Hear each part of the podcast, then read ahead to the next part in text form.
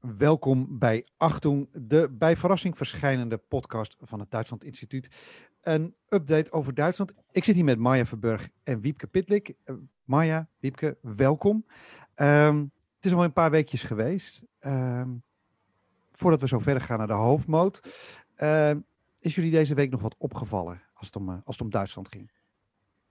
Ja, behalve het uh, gebruikelijke coronanieuws wat we natuurlijk elke week hebben, uh, was deze week ook wel bijzonder dat uh, er een akkoord is met Namibië over het erkennen van de volkerenmoord op de Herero en de Nama. Dat zijn volken in het huidige Namibië. En Duitsland heeft erkend dat dat genocide is geweest, wil dat ook daar officieel met een ceremonie in het parlement daar excuses voor aanbieden en vergiffenis vragen. En heeft ook een bijdrage van meer dan een miljard toegezegd aan een uh, fonds, een soort opbouwfonds voor Namibië, wat dan ten goede zou moeten komen aan uh, die volken. dat heeft de Duitse regering eigenlijk gebracht als een, een groot historisch moment, een, een grote stap in de verhoudingen. Maar uh, de volken waar het om gaat, de Herero en de Nama, die vinden dat ze veel te weinig betrokken zijn bij de onderhandelingen. Er zijn jarenlange onderhandelingen hierover geweest. Uh, ze vinden dat het nu uiteindelijk wordt gegeven als een soort uh, ontwikkelingshulp, dat bedrag. Dat vinden ze ook niet goed. Ze vinden ook dat er echt wel. Um, hoe heet dat? Um, entschädigungen, dus um, schadevergoeding. schadevergoedingen zouden mogen worden uitbetaald. Um, en vooral ook dat ze zelf veel meer een stem zouden moeten krijgen in, in dit verhaal. Daar speelt ook mee dat de veel vertegenwoordigers van die stammen. Die uh, zijn eigenlijk meer richting de oppositie dan richting uh, de huidige regering van Namibië. Dus ja, die verhoudingen die spelen natuurlijk ook een rol. En uh, ja, dit, dit, krijgt nog wel een staartje, denk ik. Want ze hebben ook aangekondigd dat als bondspresident Steinmeier, die, die zal naar Namibië afreizen om die excuses aan te bieden. En ze hebben al aangekondigd dat ze daar ook gaan uh, protesteren. Ja, dat, dat wordt dan natuurlijk ook weer een, een PR-drama voor Duitsland. Ja, het probleem volgens mij, voor, het, het, gaat om volkerenmoord die tussen 1904 en 1908 is gepleegd door het toenmalige Duitse keizerlijke leger. in, de, in wat toen een Duitse kolonie was. En Um, uh, ja, het wordt ook wel de, de, eerste genocide van de 20e eeuw genoemd. Hè? Ja, en, en het, een van de problemen. Kijk, Duitsland die wil eigenlijk niet dat ze allemaal claims krijgen van die, van die volkeren. Dus die willen nu, hopen eigenlijk hier met deze excuses en een bedrag. En uh, ook wel echt veel geld wat ze in die, in die volkeren willen, of in die stammen willen investeren. Maar ze zijn bang voor claims. En die, een en de naam hebben eerder al eens in de Verenigde Staten geprobeerd hun recht te halen. Het is toen uiteindelijk niet gelukt. Dus het is een, ja, dit, wat Wiepke net zegt, het krijgt inderdaad een staartje. En Duitsland heeft natuurlijk de hele tijd onderhandeld met de Namibische regering. En nou ja, daar hebben dus die Herero en de Nama vinden ze veel te weinig uh, stem in gehad. Ja, en die voelen zich niet daardoor vertegenwoordigd. Nou, dat klinkt ook redelijk terecht, eerlijk gezegd, als ik het zo hoor, toch? Dit is, uh, hoe, hoe voelt de oppositie in Duitsland hierover? Want goed, oké, okay, tot een bepaalde hoogte kun je begrijpen dat een regering misschien ook op deze bescheten en be, hè, bekrenderige manier doet. Hè? Uh, maar hoe, hoe is de oppositie in Duitsland hierover uh, over uitgesproken eigenlijk? Ja, de Groenen, die, nu, hè, die, die, die het redelijk goed doen in de peilingen, hoe denken die hierover? Hoe de Groenen hierover denken, weet ik eigenlijk niet. Ik weet wel dat er in Duitsland een een uh, grote beweging is die zich hiermee bezighoudt. Ook met het teruggeven van de roofkunst. Hè. Dat is natuurlijk een discussie die hier uh, nou mee samenhangt. En uh, dus er is, zijn heel veel mensen voelen zich heel erg betrokken hierbij. En ook de hele discussie over het koloniale verleden van Duitsland is een rel relatief nieuwe discussie. Die nu volop wordt gevoerd. Goed, dan gaan we door, want jullie kondigden het de laatste keer al aan. Er zijn verkiezingen in Sachsen-Anhalt. Nou, zal ik je heel erg moeten bekennen. Um, ik weet niets van Sachsen-Anhalt. Uh, het klinkt gezellig, maar kan één van jullie twee in ieder geval beschrijven wat Sachsen-Anhalt voor een van Bundesland eigenlijk is? Waar hebben we mee te maken? Nou, één troost is dat uh, veel Duitsers, nou het schijnt ook niet zo heel veel weten van Sachsen-Anhalt. Uh, het is een, een deelstaat waar je vaak doorheen reist op weg naar Berlijn bijvoorbeeld. Het ligt in het oosten van Duitsland, maar ten westen van Berlijn. Um, dus veel ICE's uh, gaan er ook doorheen terwijl jij met je ogen dicht uh, en, je, en je noise cancelling koptelefoon in de trein zit. Uh, en dan mis je het dus totaal. Um, ja, het is dus een, een, een Oost-Duitse deelstaat. de deelstaten in, nou ja, toen het nog de DDR was, hadden ze helemaal geen deelstaten. Dus hij is eigenlijk na de val van de muur pas ontstaan als deelstaat. Er zijn dus, ja, de grote steden zijn Magdeburg en Halle, die zijn daarmee samengekomen in die ene deelstaat. Dessau um, het is een Bauhausstad. Ja, een, uh, ja. ja. maar dat was geen uh, bezirk in, uh, in een DDR-tijd. Nou ja, dat zal wel een bezirk zijn geweest, maar niet. Nou, anyway. het is van oudsher een industriegebied. Um, bruinkoolmijnen zijn er veel. Die zijn dus ook na de val van de muur stuk voor stuk wordt dat afgebouwd. Die, die uh, bruinkoolwinning is er nog steeds wel hoor, maar dat wordt afgebouwd. En daardoor is er ook heel veel werkloosheid ontstaan. rond Halle is de chemie altijd in DDR-tijd. In DDR-tijd had je natuurlijk een planeconomie en werden gebieden aangewezen voor bepaalde takken van industrie. Voor Halle was dat de chemie. voor Magdeburg was dat machinenbouw, als ik me niet vergis. Um, en dat, ja, die, die fabrieken die moesten allemaal sluiten. Er zijn er maar een paar die het hebben gered. Um, er wonen ongeveer 2 miljoen mensen in die deelstaat. En dat is een half miljoen minder dan ten tijde van de DDR. Dus er zijn heel veel, het is echt een krimpregio. Er zijn heel veel mensen weggetrokken. Duits-Limburg? De, de, het is de deelstaat waar de, de oudste bevolking uh, van heel Duitsland woont. En het is een van de dunst uh, bevolkte uh, gebieden. En het is inderdaad de deelstaat die de, de grootste klappen heeft gehad van het ineenstorten van de industrie. Dat heeft natuurlijk heel Oost-Duitsland gehad, maar Saxen-Anhalt heeft daar het hardste uh, uh, ja, onder te lijden gehad. En men mag daar nu gaan kiezen. Hoe staan de peilingen ervoor? Nou ja, in de, in de peilingen staat de CDU nu uh, als grootste partij. Maar vorige week bleek dat uh, in, in een peiling de AFD, dus de rechtsnationalistische partij, dat die de grootste was. En in heel Oost-Duitsland is de AFD de tweede partij. Dus de Oost-Duitse politieke realiteit ziet er heel anders uit dan in West-Duitsland. De rechtsnationalistische partij is daar veel groter. En als de AFD daar heel groot wordt, eh, dat wordt die, maar als ze daar de grootste zouden worden, dan is dat voor de landelijke politiek en zeker voor de CDU-lijsttrekker uh, Armin Laschet wel echt een grote domper. Dus er wordt vanuit de landelijke politiek heel erg gekeken naar wat gebeurt hier en wat heeft dat voor een effecten voor de, op de verkiezingen in september. Maar het heeft natuurlijk ook groot effect voor de deelstaat zelf. Uh, want het feit dat die AFD zo groot is in die Oost-Duitse deelstaten zorgt ervoor dat, er, dat al die andere partijen gemarginaliseerd worden of steeds kleiner worden. En dat er steeds meer, dus drie of vier partijen nodig zijn om überhaupt een regering te vormen. En in Sachsen-Anhalt wordt er nu over gesproken dat dan straks een regering komt van CDU, SPD, Sociaaldemocraten, Groenen, de liberale FDP, dus met z'n vieren. En dan heb je een oppositie van alleen maar AFD, dus de rechterkant, en die linker, de linkerkant. Nou, dat is natuurlijk voor je politieke stabiliteit niet echt prettig. Wat mij ook opvalt is uh, de laatste dagen, weken, dat uh, heel veel CDU-politici om het hardst roepen dat samenwerken met de AFD echt niet kan. Dat de CDU dat echt niet doet. dus ze zijn volgens mij ook uh, interne druk behoorlijk hoog aan ja, het houden. Laschet heeft dat vanmorgen ook nog een keer geroepen. Maar het probleem is dat in heel veel Oost-Duitse deelstaten, en zeker op gemeentelijk niveau, kijk op, op, op deelstaatniveau kun je nog zeggen, daar hebben we invloed op. Maar op gemeentelijk niveau wordt er al veel met de AFD samengewerkt. En we hebben twee jaar geleden gezien in Turingen was de CDU In Turingen wel degelijk bereid om niet echt samen te werken, maar in ieder geval zich door uh, samen met de AFD een, een, een uh, minister-president te steunen. Dat heeft toen voor enorm veel herrie gezorgd. En toen heeft de voorganger van Laschet, dus de voorzitter van de CDU, Kram Karrenbauer, moest daardoor opstappen, omdat ze de eigen CDU in Turingen niet meer uh, in grif had, zeg maar. Nou ja, daar zijn ze nu natuurlijk een beetje bang voor. En het is aan ja. Laschet om ervoor te zorgen dat, die zorgt, de, nou ja, dat er niet weer zoiets gebeurt nu in Saxen-Anhalt. Het zijn de enige deelstaatverkiezingen nog voor september. Ze moesten overigens ook terugkrabbelen hè, in Turingen uiteindelijk. Ja, maar dat heeft heel veel moeite gekost. Ja. En uh, ja, dat is natuurlijk wel een beetje het nachtmerriescenario voor de CDU. Wat, wat belooft het AFD aan Oost-Duitsland nou eigenlijk? Nee, wat, wat de AFD heel slim doet, Kijk, heel veel Oost-Duitsers voelen zich en terecht ook achtergesteld. Ze verdienen nog steeds minder geld. Uh, ze zitten nauwelijks in hoge posities, in hoge functies. Ook niet in Oost-Duitsland. Dus daar maken West-Duitsers ook in hun eigen Oost-Duitse bedrijven, in de Oost-Duitse politiek, maken West-Duitsers de dienst uit. Dus heel veel, en, en als je kijkt naar bedrijven die zowel in Oost- als in West-Duitsland actief zijn, worden, betalen ze mensen in, West in Oost-Duitsland minder. Dus er is ook een reden dat ze zich achtergesteld voelen. En de AFD springt daar heel erg op in. Dus de andere partijen hebben eigenlijk de afgelopen jaren best veel laten liggen in Oost-Duitsland. Um, en de AFD zegt van, nou ja, wij zorgen voor. En wat bijvoorbeeld ook gebeurt, is dat daar in Oost-Duitsland nog veel meer dan in West-Duitsland scholen zijn wegbezuinigd, het OV is wegbezuinigd, uh, medische zorg in veel van die regio's nauwelijks beschikbaar is. Dus heel veel mensen zijn ontevreden. De AFD zegt wij gaan er wat aan doen en wij zorgen wel voor jullie. Ze gebruiken ook vaak van die, van die retoriek uit 1989-90. Dus de, de wende-retoriek. Hun leus was er bij de deelstaatverkiezingen twee jaar geleden. Wir sind das Volk. Dat is letterlijk de leus van de revolutie van 89-90. Dus ze gebruiken ook heel vaak het woord wende. Nou ja, dat, dat, uh, dat spreekt aan.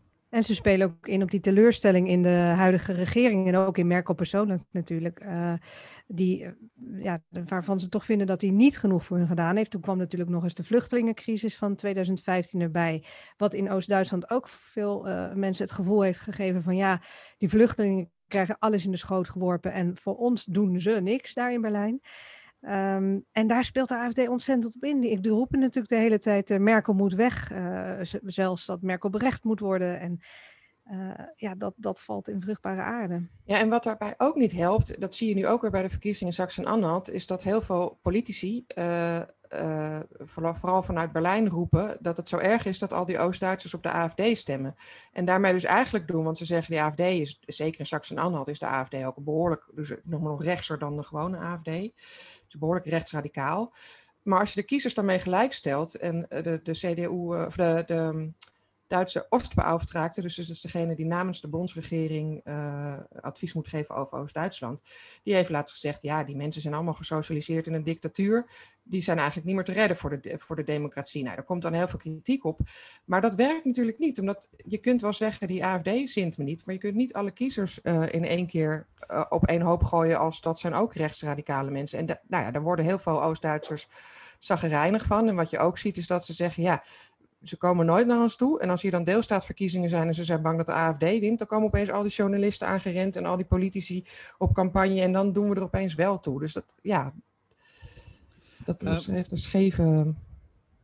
Wat, wat ik niet helemaal snap is, hè, wat je dan beschrijft, dat, dat lijken mij, hè, die, die problemen die er zijn, die lijken me voor een deel toch open doelen. Ik bedoel, als jij weet dat dat verschil er zo is, dan lijkt me dat je als je als ambitieuze partij in het oosten, dat je dus belooft dit soort dingen aan te pakken. Dus waarom zijn dit soort dingen niet aangepakt? Ik bedoel, dit, dit lijken hele evidente dingen zijn. Dingen die, die inderdaad uh, uh, uh, mensen in het oosten veel meer geneigd zullen zijn om je, voor je te kiezen. Als je bijvoorbeeld gelijke lonen belooft. En belooft ja. om meer Oost-Duitsers over Oost-Duitsland te laten gaan. Ik bedoel, hoe kan het nou dat men dat dan zo nou ja, je laten liggen? Impliceert dat het per ongeluk gaat. Maar je zou bijna denken dat. Is daar een goede reden voor geweest om dat niet zo te doen? Ja, twee dingen. In de, in de landelijke politiek wordt er wel wat aan gedaan. Ze hebben bijvoorbeeld wel een plan om uh, de, de pensioenen gelijk te trekken. Dat is in 2024, geloof ik, moeten de pensioenen gelijk getrokken zijn. Dus daar, daar worden wel stappen genomen. Maar wat ook wel een probleem is, is dat de uh, West-Duitse partijen in uh, Oost-Duitsland ook niet echt goed personeel, zeg maar, hebben. Geen goede politici die daar uh, in de gemeenteraden en overal in die lokale bestuurstructuren opgesteld kunnen worden. Dus dat zijn zwakke partijen in die deelstaten vaak. En het, is deels, ja. het is deels ook natuurlijk het bedrijfsleven. Ik bedoel, de, de, de, de overheid kan niet tegen BMW zeggen: je moet je mensen in Oost-Duitsland net zoveel betalen als in West-Duitsland. En die, die, bedrijven zijn dat nu zelf wel aan het. Volkswagen heeft nu gezegd: we willen in 2027 gelijke verhoudingen voor ons personeel in Oost en West. En, nou, dat is nou, dus nou, nog. Nou. Ja, goh, wat een enorme, enorme stap. Ja. Nou, maar, en, en, er ja. was deze week een. Uh, is Merkel heeft een top gehad met de uh, premiers van de Oost-Duitse deelstaten. En daar bracht een van die premiers ook naar voren dat uh, bijvoorbeeld uh, van die, ja, van die uh, overheidsinstituten, dat ze die wel wat meer in het oosten zouden mogen vestigen. En daarvan denk ik inderdaad van ja, dat kan je toch heel goed doen. Als je een nieuw instituut opricht, er is bijvoorbeeld nu zo'n accu, accu uh, voor, voor hoe heet het, elektrische auto's, zo'n accu-onderzoekscentrum of zo geopend. Nou ja, dat gaat nu naar Noord-Rijn-Westfalen, maar dat kan natuurlijk ook naar het oosten gaan. Ja, dat soort dingen zijn blijven liggen. En kijk, een van de problemen waardoor dit is ontstaan, is na de wende uh, kreeg, kreeg Oost-Duitsland eigenlijk gewoon het West-Duitse systeem opgelegd. Dus het juridische systeem, het economische systeem, uh, nou, het politieke systeem. Dat waren allemaal West-Duitsers die dat daar moesten gaan opbouwen. Dus die zaten daar meteen al in leidinggevende functies. En die moesten al die Oost-Duitsers leren nou ja, hoe de democratie en een nieuwe politieke en economische en financiële systeem werkte. Dus daar begon het mee. En uh, nou, die, die zijn daar vaak blijven zitten. Maar wat ik ook heel gek vind, want de overheid is natuurlijk een werkgever die in ieder geval voor zijn eigen zaken goed kan zorgen. Zorgen dat daar uh, wel veel Oost-Duitsers worden aangenomen. Maar als je kijkt naar de, de hoge afdelingsleiders in Duitse ministeries, dus van de, van de landelijke regering. Dat zijn dan de afdelingsleider, dat zijn echt de, de, hoogste ambtenaren, zeg maar. Dat zijn er 123, daarvan zijn er vier Oost-Duits. Dus dan denk ik, ja, dan heb je ook niet je best gedaan om daar, om daar iets aan te doen. Um, als ik het een, eh, dat is, dit is allemaal anekdotisch, maar uh, het komt me ook voor dat men voelt alsof, ja, dit ook, tenminste hier in het Westen, um, proef je ook een soort, nou ja, een soort argwaan naar Oost-Duitsers toe. Zoals er hierover gesproken wordt, is het niet zo heel raar dat dat zich vertaalt naar dit soort beleid. Waar eigenlijk dus het een soort, een soort bijna kolonie is met eh, goedkope arbeiders waar je bepaalde dingen kan dumpen. En voor de rest niet al te hard over na hoeft te denken. Maar dat zeggen veel Oost-Duitsers ook. We voelen ons gekoloniseerd. En wat jij net zei over wij betalen allemaal geld voor Oost-Duitsland. Er, is een, een dus een soort belasting dat ieder, die iedereen betaalt uh, op zijn inkomsten. Uh, maar ook Oost-Duitsers. Dus inmiddels is die overigens, die wordt nu langzaam afgebouwd. Maar de afgelopen twintig jaar hebben ook Oost-Duitsers elk jaar 5,5% van hun inkomen voor Aufbouw Oost betaald. Maar goed, dit soort dingen zorgt er inderdaad voor uh, dat mensen zich uh, achtergesteld voelen. Dus onbegrip vanuit het West-Duitsland. En waar ik altijd moet denken. naar de politiek toe want, eh, ook wantrouwen naar de politiek. Maar ik moest denken, net toen je dat zei, is een, een, uh, vriendin van mij in Berlijn. Ik heb lang in Berlijn gewoond. Die was 13 toen de muur viel, maar die is in Oost-Duitsland opgegroeid. Maar die heeft dus haar hele volwassen leven in Berlijn. Ze heeft daar gestudeerd na de wende. Haar hele volwassen leven in Berlijn in het Herenigde Duitsland gewoond. Zij werkt nu op een school. En dan worden er in de lerarenkamer een tijdje terug werden grapjes gemaakt over ossies door een docenten. En toen zei een andere docent van, nou, dat moet je niet doen, want er zitten hier ook ossies bij. En die andere van, ah, nee hoor, dat echt niet. Jawel, Claudia is een Ossie. Ah nee, Claudia is zo normaal. Nou ja, op het moment dat je dat hoort, gewoon in Berlijn, in Kreuzberg, op een school, dan kan ik me voorstellen dat je, dat je als Oost-Duitser denkt van ja, het interesseert jullie ook gewoon niet. En ik denk dat dat deels ook zo is. Dat ze dus te weinig snappen of weten van Oost-Duitsland om, en, en dus kennelijk ook uh, in de politiek om daar, en in het bedrijfsleven, om daar echt beleid op te voeren en maatregelen op te nemen. Waarin vinden het AFD en het CDU elkaar eigenlijk? Ik bedoel, oké, goed, dit is te volgen, maar eh, wat maakt dat, ja, als ik het zo hoor, is het gewoon een kwestie van tijd voordat de AFD hè, onder bepaalde voorwaarden toch hè, op steeds hoger niveau gaat samenwerken.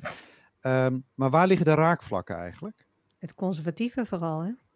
Je hebt een hele conservatieve vleugel binnen het CDU en die, uh, dat zit dicht tegen het AFD aan. Probleem is ook, uh, wordt veel gezegd, dat onder Merkel het CDU, eh, de CDU naar het midden is opgeschoven.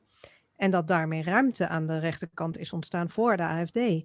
En dat is iets wat al decennia lang een rol speelt in de Duitse politiek. Dat wordt gezegd, ja, de CDU moet die, moet die rechterflank afdichten. En nu spreken ze ook weer steeds over de brandmauwen tussen, tussen extreem rechts en rechts. Dus ze willen wel heel, de hele rechtse kiezers bij het CDU houden, bij de CDU houden, zodat die niet uh, naar de AFD gaan. Uh, maar ja, daardoor komt hun beleid soms uh, heel dicht bij dat van de AFD. Wat we overigens deze verkiezingen wel weer iets minder speelt, vind ik, omdat de AFD nog veel extremer is geworden. En omdat uh, de CDU niet, dat vond ik bij de vorige verkiezingen sterker, dat je het gevoel had van, oh, ze, ze willen die kiezers uh, terugwinnen door het beleid van de AFD eigenlijk over te nemen. En dat ja, daar zijn ze echt van afgestapt. Ja, dat ja, ze hebben ook gemerkt zo dat dat niet werkte. Ja. ja. Want en, wat, en, wat was dat precies en waarom werkte dat niet? Nou ja, dan gingen ze dus ook dat rechtse geluid van uh, over vluchtelingen die weg moeten. En, en, en, en dus ja, dat rechtse AFD-geluid. Uh, in Beieren was dat heel sterk. En toen ze hebben heel veel mensen die normaal CDU gestemd hebben, zijn op de Groenen gaan stemmen. Dus de, de CSU, sorry, in Beieren. Die was toen opeens niet meer de, de, had niet meer de absolute meerderheid. Maar ook in, in, dus in, ook in andere deelstaten zie je nu dat de CDU probeert dus heel duidelijk, dat na, na Turingen ook, van dit is een grens en dit, die gaan we echt niet over. En wat je, kijk, heel veel mensen in, de, uh, in Oost-Duitsland, uh, misschien ook wel in West-Duitsland, die AFD stemmen, doen dat helemaal niet allemaal omdat ze het absoluut eens zijn met al die punten, maar ook uit een soort protest. Want een paar jaar geleden was het die linken waar ze in Oost-Duitsland voornamelijk op stemden. Dus het is ook gewoon een soort verschuiving van proteststemmen van links naar rechts. Dat heb je in Nederland ook gezien. En daar heeft uh, Laschet deze week ook heel duidelijk opgeroepen om dat niet te doen. Om niet op een uh, rechtsextremistische partij te stemmen uit onvrede met de regering. maar dat is denk ik een van de andere problemen die speelt. Want waar, waar die CDU en zeker West-Duitse politici heel erg op hameren is... we zijn een democratie, de democratie is hartstikke belangrijk... en de AFD is niet democratisch en de AFD propageert vreemdelingenhaat. Het is eigenlijk een antidemocratische partij. Maar heel veel Oost-Duitsers hebben helemaal niet dezelfde houding... ten opzichte van de democratie. Als, dus ik bedoel, het is niet dat ze de democratie niet willen... maar in, Duits, in West-Duitsland vinden veel meer mensen dat de automatisch de beste staatsvorm. En in Oost-Duitsland, als je dat vraagt, is dat geloof ik 40 eh, procent of zo. Dus het is een hele andere, uh, ja, een andere soort houding. Ook, ook, ook nou ja, veel Oost-Duitsers vinden ook dat hun grondrechten niet gewaarborgd zijn. Dus die zijn eigenlijk veel kritischer of hebben veel meer last van dingen die niet goed geregeld zijn in een deelstaat. En dat wordt ook wel gezegd dat dat ook iets is wat ze hebben laten liggen eh, in Oost-Duitsland. Dat ze na de Tweede Wereldoorlog is er in West-Duitsland heel veel aandacht geweest voor uh, ja, burgerschap, wat wij eigenlijk burgerschap noemen. Hè? Dat je uh, jongeren onderwijst over democratie en het belang van democratische instituties en dergelijke. Nou ja, in, in Oost-Duitsland zijn ze natuurlijk in de DDR-dictatuur groot geworden. Hebben ze dat, die hele geschiedenis niet meegemaakt. En is dat daarna ook eigenlijk te weinig op poten gezet. Dus daar, daar zijn wel nu allerlei initiatieven voor.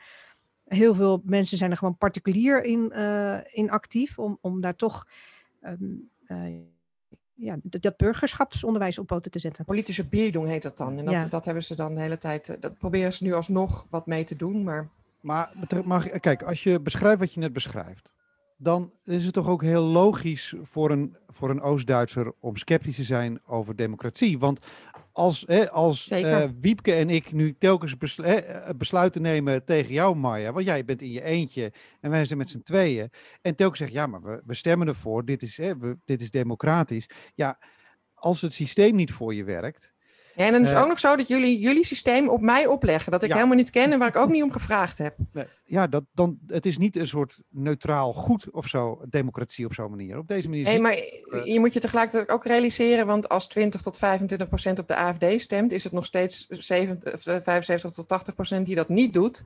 En er zijn ook heel veel mensen die, die niet stemmen, dus zich eerder apen. Dus we moeten ook een beetje oppassen voor het verhaal dat iedereen in Oost-Duitsland op de AFD stemt. Maar wat je zegt klopt, ja. De, de, de, ik snap ook niet zo goed waarom die andere partijen daar zoveel hebben laten liggen. De was nu laatst in Sachsen-Anhalt op campagne, samen met de, premier, de CDU-premier Haseloff. Nou ja, heel veel, Oost, heel veel mensen in Sachsen-Anhalt, ja, die kennen hem nauwelijks. Dat is iemand ver weg uit Noord-Rijn-Westfalen. En dan zegt Laschet, ja, we hebben ook kolen. En, uh, dus ik weet hoe erg dat is. Maar dat, ja. Uh, ja, Um, je, ik werd net al even benoemd, uh, Wiepke, volgens mij zei jij het, uh, dat um, nou ja, Merkel, namens voor de is nog niet genoemd hier, maar een Oost-Duitse, die heeft heel nadrukkelijk zich niet als Oost-Duitse geprofileerd.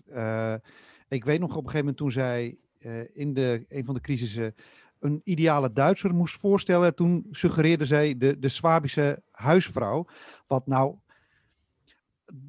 ik, als iemand die zelf met een Swabische is uh, en weet hoe Duitsers op die regio reageren, is dat niet heel erg. Um, dat is niet heel politiek, zou ik zeggen. Wat ze eigenlijk zeggen is van waarom zijn jullie niet als de allerrijkste en de meest gierige Duitsers in Duitsland? Waarom zijn jullie niet allemaal zo? En nou ja, hm. als je daarmee komt in plaats van je eigen Oost-Duitse achtergrond, nou, dan weet je dus, er is blijkbaar de, was dat gêne? Was dat, voelde ze zichzelf belast door, door het oosten? Waarom heeft nou, zij dat nooit gebruikt eigenlijk? Ja, dat zou natuurlijk wel kunnen. Dat zij zelf ook uh, dat niet zo, zich daar niet mee heeft geprofileerd. Omdat het niet zo in je voordeel werkt in Duitsland. Als jij de Ossie bent, uh, dan, heb, dan sta je al op achterstand. Dus, maar um, ik denk niet zozeer dat het Jen is, maar dat het ook niet in haar politieke verhaal past. Dus zij moest de CDU leiden, daar had ze druk genoeg mee. Dus zij was, en ze was de grote leider in Europa. Ze moest allemaal crisis managen. Zo zien veel Oost-Duitsers haar. Dus een CDU-leider, iemand die met Europa bezig is.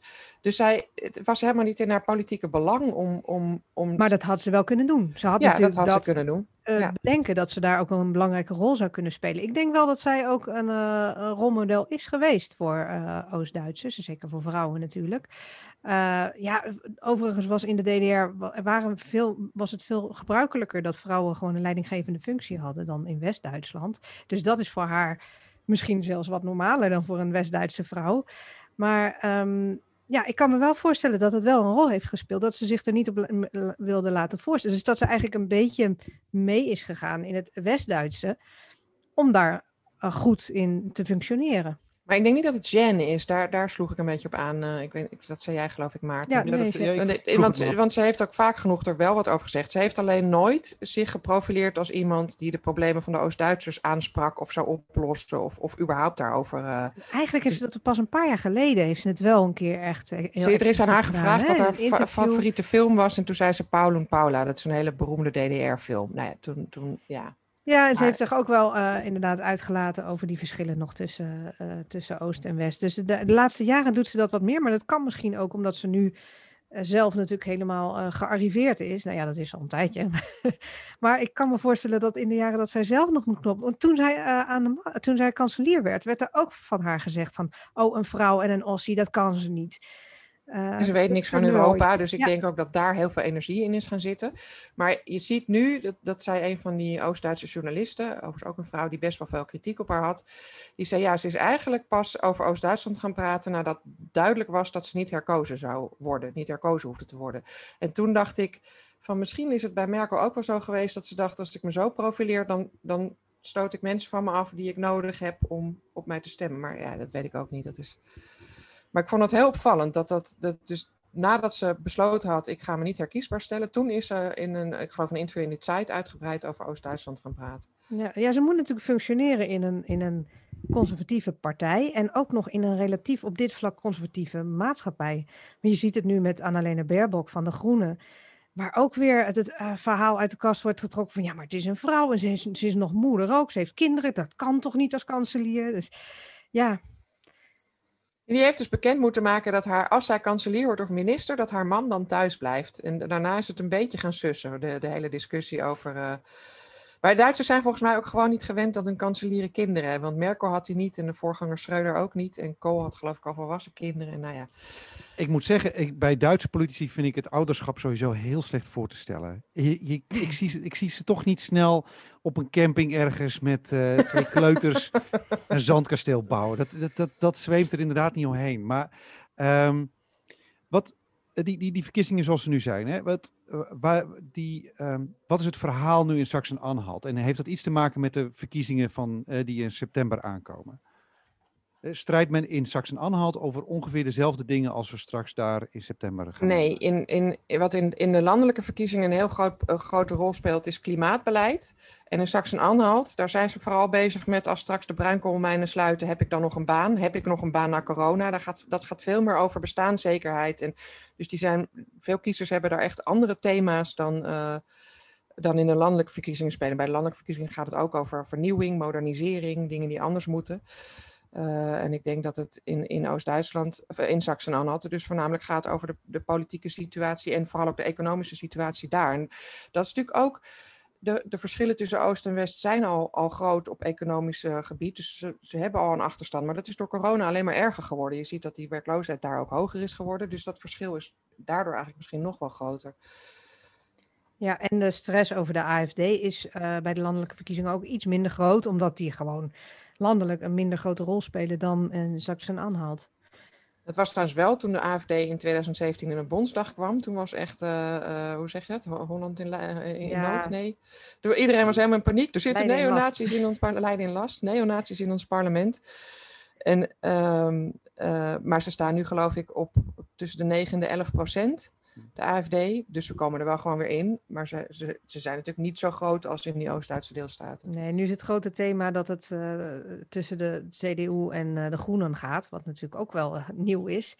en daar heeft de SPD, de, de Sociaaldemocraten, hebben daar ook wel onder te lijden. Want die ja, ja, die, die, zijn gewoon die weg zie je niet meer. Ja. Die waren in 2013 hadden ze geloof ik iets van 24 of 25 procent van de stemmen. Dat was het allerslechtste resultaat ooit. Toen was het in 2017 20 procent. En nu staan ze op 14. Dus het, het geldt als een, als een grote volkspartij, maar dat is er natuurlijk gewoon helemaal niet meer. En de, en de strijd gaat dus tussen de CDU en de Groenen. Nou, je hoort, de SPD kwam een tijdje terug met een verkiezingsprogramma. Daar gaat het gewoon helemaal niet over. Ja, ik had gedacht dat misschien uh, de corruptie nog wel een wat groter thema zou kunnen worden, omdat uh, Uh, in de afgelopen maanden kwam daar bij de CDU kwamen meerdere corruptieschandalen uh, aan het licht. Over de mondkapjes. Nou, dat hebben we inmiddels in Nederland ook, hè, mondkapjes. Ja, maar niet door parlementariërs. Dat nee, maakt het nee, nog veel ja. erger. Dus oh, dat daar CDU uit, jongens. Want, ik, ik, zat al een beetje na te koken over Siewert. Maar vertel alsjeblieft eventjes hoe het in het parlement dan naartoe gaat. Ja, dat is verschrikkelijk. er zijn uh, uh, meerdere parlementariërs die uh, bijklussen als. Dat is, dat is in Duitsland heel normaal. Dat parlementsleden daarnaast een soort consultancybedrijfje hebben.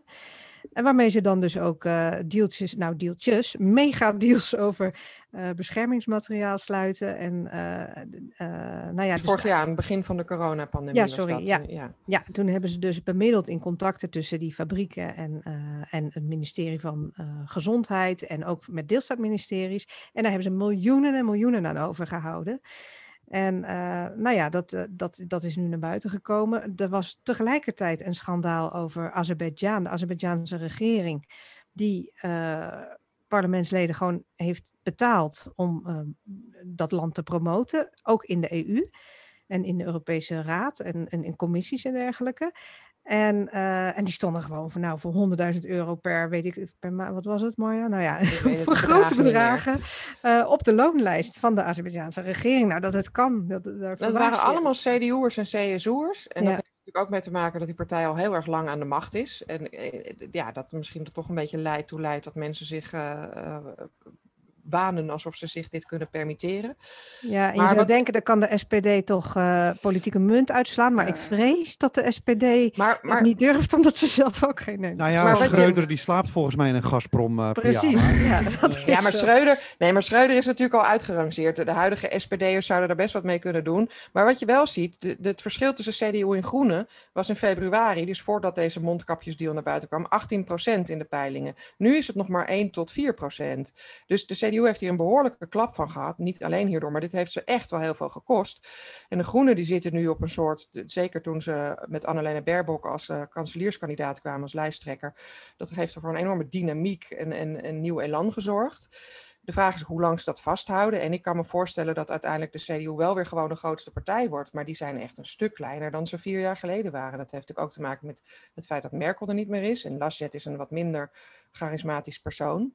Maar die, die mondkapjesdeal, ja, het is zielig dat de SPD daar niet van kan profiteren. Maar dat heeft de CDU wel echt een dreun gegeven de afgelopen weken. En het ehm, coronabeleid hè, heeft daar ook heel erg. Uh, dat was natuurlijk eventjes. Toen de deelstaten en de regering het niet meer met elkaar eens werden, was het echt een puinhoop. Uh, zo oogde het, het coronabeleid. En het oogde echt alsof de regering niet meer tot veel in staat was. En dat Merkel ook haar macht verloren was. Ik denk dat dat ook wel uh, ja. heeft bijgedragen dat het CDU minder goed. Ja, en toen is ze het niet via de deelstaten, maar via de Bondsdag gaan spelen. Een aanpassing van de infectieziektewet om die coronaregels alsnog door te voeren. Maar dat nemen heel veel mensen haar ook kwalijk. Van, uh, dan gaat ze opeens via een andere manier de zin doorduwen. Ja. Het heeft wel gewerkt. Ja, het gaat enorm, enorm goed. Uh, ja. gaan. Ja. Um, gaat Merkel dan, las je het, het laatste zetje, de finish overgeven, denken jullie? Is dat hoe het gaat werken? Nou, Merkel houdt zich er vooral heel erg buiten. Die wil zich daar niet mee bemoeien. Die zegt daar weinig over. Ze zal, er ook zeker, ze zal hem zeker niet voor de voeten lopen of iets nadelig zeggen. Maar het, vanaf het begin af aan, sinds Laschet voorzitter is en, en sinds uiteindelijk na een hele lange strijd uh, de lijsttrekker uh, bepaald hebben, uh, houdt zij zich volgens mij helemaal buiten die hele verkiezingstoestand. Ik weet niet of jij haar nog gezien hebt, Wiepke, of daar nog iets van hebt meegekregen. Wat ze nee, doet. nee, nee, nee, volgens mij houdt ze zich er buiten. En ik denk dat zij nog wel hard bezig is om nog een, een, nou ja, dat vraag ik me dus wel af. Zo'n, zo'n, uh, dan zijn we weer terug bij die volkerenmoord op de Herero en Nama. Dat dat dan toch ineens rond is. Ja, ik denk dat ze veel op buitenlandse politiek, met de buitenlandse politiek bezig is om daar nog dingen af te ronden.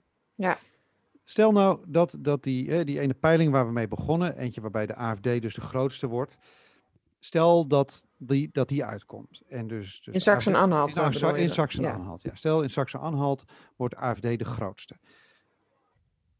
Wat dan?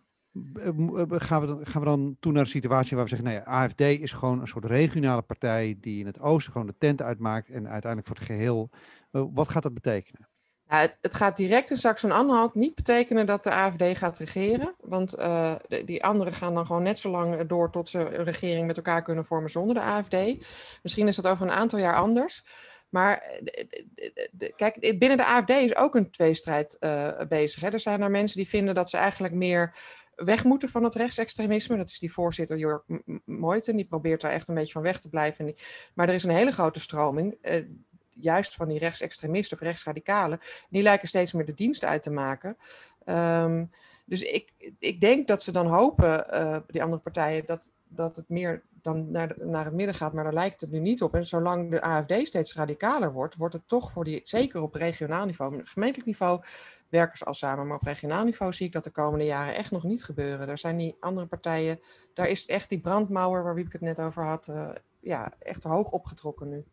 Wat ik heel grappig vind, je zegt dit zo, en ik moet zelf denken aan een reportage die ik ooit in Hamburg heb gemaakt, uh, toen de AFD aan het opkomen was. Um, dus ik ging langs bij de AFD, AFD. Die zaten in een soort krakkemikkig bedrijvenpand, zag er niet uit. En ik weet nog, die, die mensen daar, nou, allemaal heel vriendelijk in een tweetjasje en allemaal vooral beklemtonen dat ik het vooral als een soort Duitse VVD moest gaan zien. Maar toen diezelfde dag ging ik naar een, um, een avondje waar dus ook potentiële stemmers mochten komen. En eh, waar dus ook potentiële stemmers vragen moesten stellen. En dat was echt was het masker af. Want daar kwamen allemaal mensen met hele, hele wilde agenda's en hele wilde wensen. En die daar ook gewoon voor de microfoon dingen uh, durfden te zeggen waarvan ik niet dacht dat Duitsers dat durfden. het verleden, dat was iets voor trots en niet voor schaamte. We moesten, Duitsland moest maar weer terug naar zijn rechtmatige plek. In een, in een zekere zin maakte het eigenlijk niet uit wat die mensen op het podium daar zeiden. Het was wat die mensen in de zaal erin legden. Want die, die wouden gewoon op iets stemmen dat voorbij het CDU ging. Eigenlijk het kanaliseren van ontevredenheid. En dat heeft de linker heel lang gedaan in het oosten. En dat doet dus nu de AFD in het oosten en in het westen. Um, uh, ja, en, en, en die, en die uh, ontevredenheid, die, die is in heel Duitsland, ook de polarisering is in heel Duitsland groot. En door die vluchtelingencrisis is dat nog veel erger geworden. En dat is echt niet alleen maar Oost-Duitsland. Als het gaat over rechtsextremistisch geweld of uh, überhaupt rechts, rechts, rechtsextreem gedachtegoed dat steeds meer in het midden van de samenleving aankomt, dat is ook in West-Duitsland zo. Ja, graag daar nog een keertje een aflevering over, inderdaad.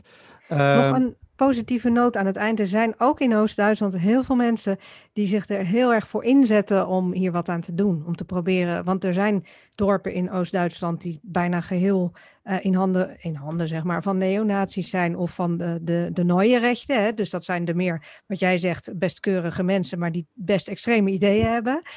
Uh, en er zijn toch mensen die bewust zich in zo'n dorp staande houden en daar proberen de mensen te overtuigen en proberen daar toch een tegengeluid te laten horen. En uh, dat vind ik ook wel een typisch Duitse ontwikkeling, die heel erg de politieke betrokkenheid, uh, we noemen het altijd een gepolariseerd land, ja, maar dat leidt er ook wel toe dat mensen er echt de straat voor opgaan om nog zich voor democratie in te zetten. Ja, nee, nee, zeker weten waar, uh, uh. Ik wou zeker niet impliceren dat het de, de, Oost-Duitser eigen is. Zeker nog, dit was in West-Duitsland wat ik schetste. maar, en het, ik merk hier heel erg dat nou, veel West-Duitsers ook heel fijn vinden dat ze de hele tijd naar een veel racistischere Oosterburen kunnen, kunnen wijzen. Van ja, wij zijn niet zo, daar is het nog zo. Wij zijn ja, en dat maar dat is dus precies wat er niet helpt. Nee, nee, daar moeten West-Duitsers nee. mee ophouden. Het helpt nou, niet. Ik, ik, ga, ik ga het Zeker het echte, het echte, de nazi's bijvoorbeeld, de, de neonazies en uh, de groepen die daaromheen hangen, dat is uh, evengoed in West-Duitsland een probleem. Hessen vooral. En, Minder en, en breed maatschappelijk, ja. maar wel, uh, wel een groot probleem. Ja. ja daar, daar, gaan we binnenkort uh, uh, een uitzending over maken. Want dat vind ik ook razend interessant. Dat zal voor een volgende keer zijn. Um, ja, dan zijn we bijna klaar. Wiepke, die verkiezingen zijn dit weekend toch, als, uh, als ik het goed heb? Ja, zondag uh, gaat straks een ander hand naar de stembus. Kijk, Klopt. Dus en, daar houden wij onze komende dagen uh, nog wel mee bezig. En de week daarna natuurlijk ook. Ga je nou zoiets live tweeten? Of, of kom jij het dan ook s s'avonds bij de Tagenshow, kom je daar dan achter? Zie Maria nee, verwoed nee schudden. Dat, dat houden we wel in de gaten natuurlijk. Dat houden we in de gaten. En meestal, ja, het is nu wel, als het heel mooi weer is, wordt het wel lastig. Want het is altijd om zes uur komen dan de eerste officiële prognoses en uitslagen en zo. Maar meestal zit ik dan wel echt voor de tv. Want de, de Duitsland, de, de, de ARD, de ZDF pakken er altijd groots uit. Dus er wordt de hele avond over doorgepraat met allerlei politici. Meestal zit ik dan wel... Um, ik moet het voor mijn werk doen, maar ik vind het ook zelf hartstikke interessant om te volgen. Yes, dus ik denk dat ik zondag daar wel zit, ja. Gaan we nog verrast worden zondag? En zo ja, door wat? Ik vrees van niet. Nou, ik hoop Nee, van niet eigenlijk, eerlijk gezegd. Ja, dat is waar. Ja. Ik denk dat de, dat, dat, de, dat de CDU, dat is niet alleen hoop overigens. Ik denk dat de CDU toch de grootste wordt en dat, eh dat Laschet dan misschien een beetje eh, iets minder met samengeknepen billen eh, door kan.